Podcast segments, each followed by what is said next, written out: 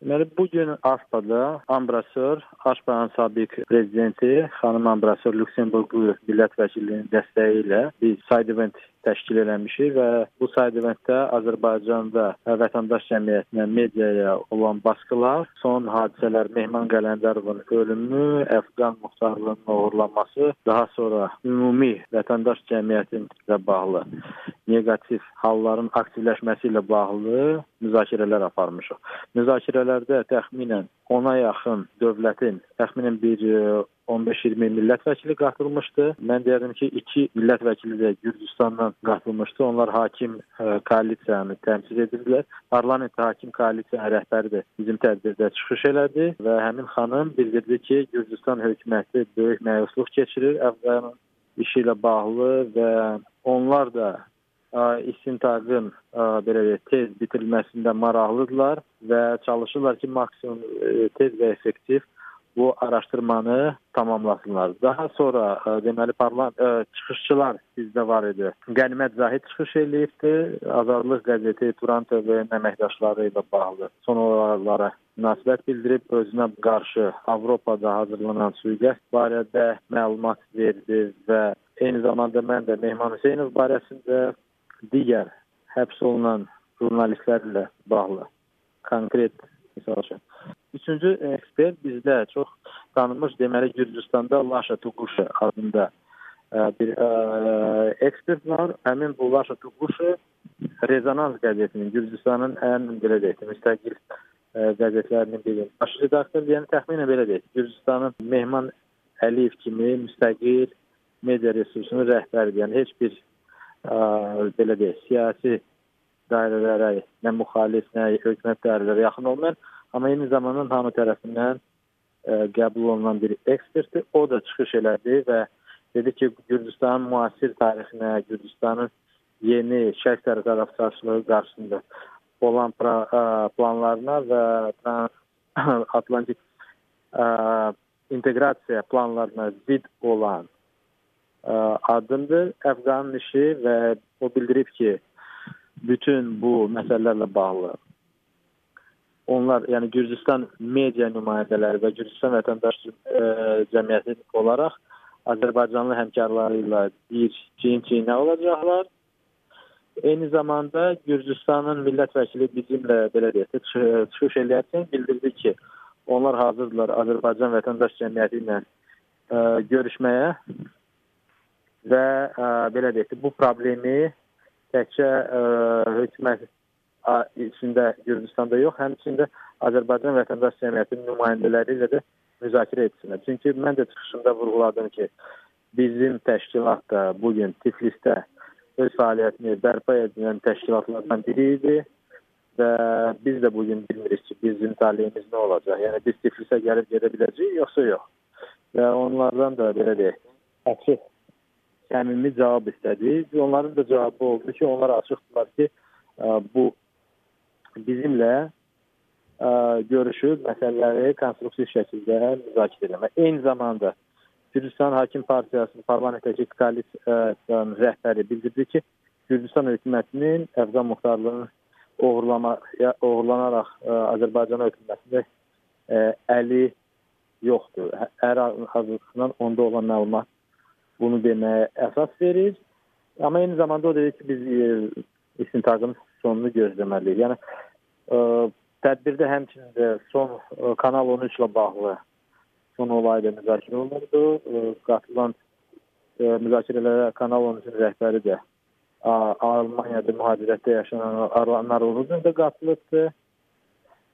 Və təxminən kifayət qədər maraqlı və belə deyək, geniş təbəqələrin nümayəndələri tə, tə, geniş nümayəndələr iştirak ediblər. Yəni həmçinin e, PASE üzvləri, yəni Parlament Assambleyasının üzvləri, eyni zamanda e, Monitoring Komitəsinin üzvləri, e, İnsan Haqları və e, Legal Affairs Department o bu o departamentin də e, əməkdaşları iştirak ediblər və Azərbaycanla payızda hazırlanacaq, yəni və təqdim olunacaq Monitoring Komitəsinin və Legal Affairs Komitəsinin hazırlanacağı və təqdim olunacağı hesabatlarla bağlı biz öz belə deyək də, feedbackimizi verdik və bildirdik ki, ə, bu hesabatlar maksimum sərt olmalıdır və ə, dəqiq identifikasiya olmalıdır. Yəni bütün pozuntular.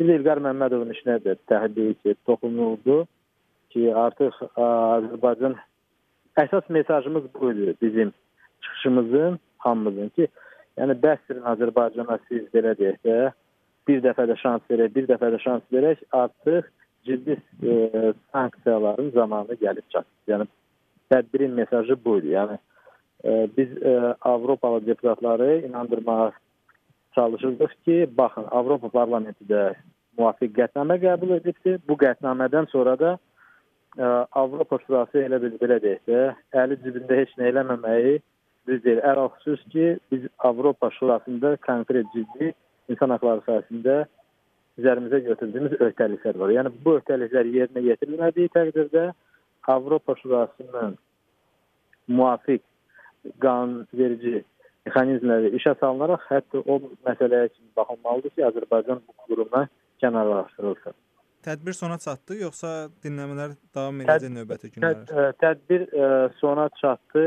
Artıq ə, tədbirin sonunda biz ayrı-ayrı belə deyək, deputatlarla görüşlər keçiririk. Yəni siyasi qrupların liderləri ilə burada Strasburqda bu gün və sabah görüşlər keçirəcəyik. Həmçində Azərbaycanla məruzəçilər Stefan Şenaxla, Çolu Alan Desteklə və Prede ilə bu Rumıniyalı deputatla onunla da görüşməyin biz nəzərdə tuturaq. Artıq ikisi ilə görüşmüşük Şenaxla bir də.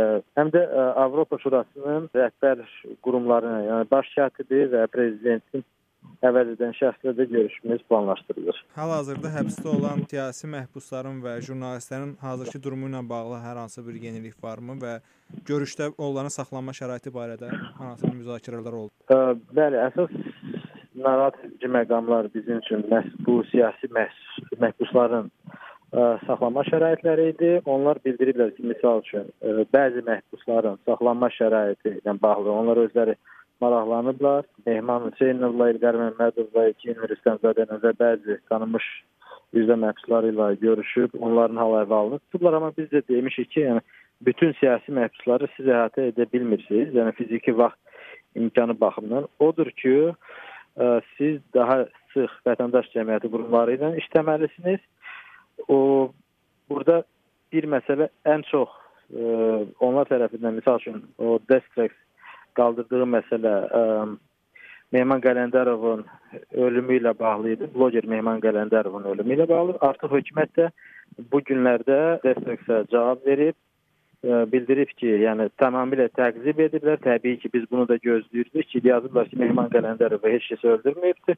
O özü özünə sui-qəsd edib, bir faciə baş veribdi, özünü asıb türmə kamerasında plastiniyası ilə və hətta belə yalan da yazıblar ki, güya Mehman e, Qələndərovun cənazəsi heç bir problemsiz olaraq e, qohumlarına təqdim olunub və onlar belə deyək də e, adət-ənənələrə uyğun olaraq şey keçiriblər. Yəni dəfn mərasimi. Hansı ki, tamamilə cəfəngiyatdır və yalandır. Biz vətəndaş cəmiyyəti ə, e, Mehman Qələndərovun məzarını ziyarət eləmişdi və görmüşdü ki, o məzarın üstündə daş, torpağı elə dağıdıblar ki, yəni açıq-aşkar görsənirdi ki, bunu yaxın adamlar edə bilməzlər. Yəni Mehman Qələndərovun yaxşı qəbri qalsın bir yana. Mehman Qələndərovun valideynlərinin qəbrini belə deyək dağıdılmış belə formada e, torpaq, daş, çamırın içində qoyub saxlayaraq oradan gediblər və biz bildirdik ki, ən azı Azərbaycan mentalitetini, ənənələrini tanıyan bir adam başa düşər ki, məsəl üçün Mehman Qələndərovun bacısı və qayını onu dəfn eləsəydi heç vaxt öz anasının və atasının, çünki valideynlərin yanlarında dəfn olunubdu heç vaxt belə deyək də biabırçı şəkildə valideynlərinin ə, e, məzarları qoyulmazdı da. Təmizlənər gedərdi. Yəni bu da açıq göstərir ki, yəni ailə bu gün ailə də baskı altında heç bir şey elə bilmir. Yəni biz əsas məsələni vurğulanırıq ki, bu məsələ sanki bir Magnitski ə, кейsinə bənzəyir və məhz bunun ə, üzərindən yapışaraq onlar hökumətdən cavab vermə və cavab ala bilmədikləri təqdirdə müvafiq sanksiyalara çağırış etməlidir. Yəni əsas məsələ çünki insan itkisi ən böyük itkidir.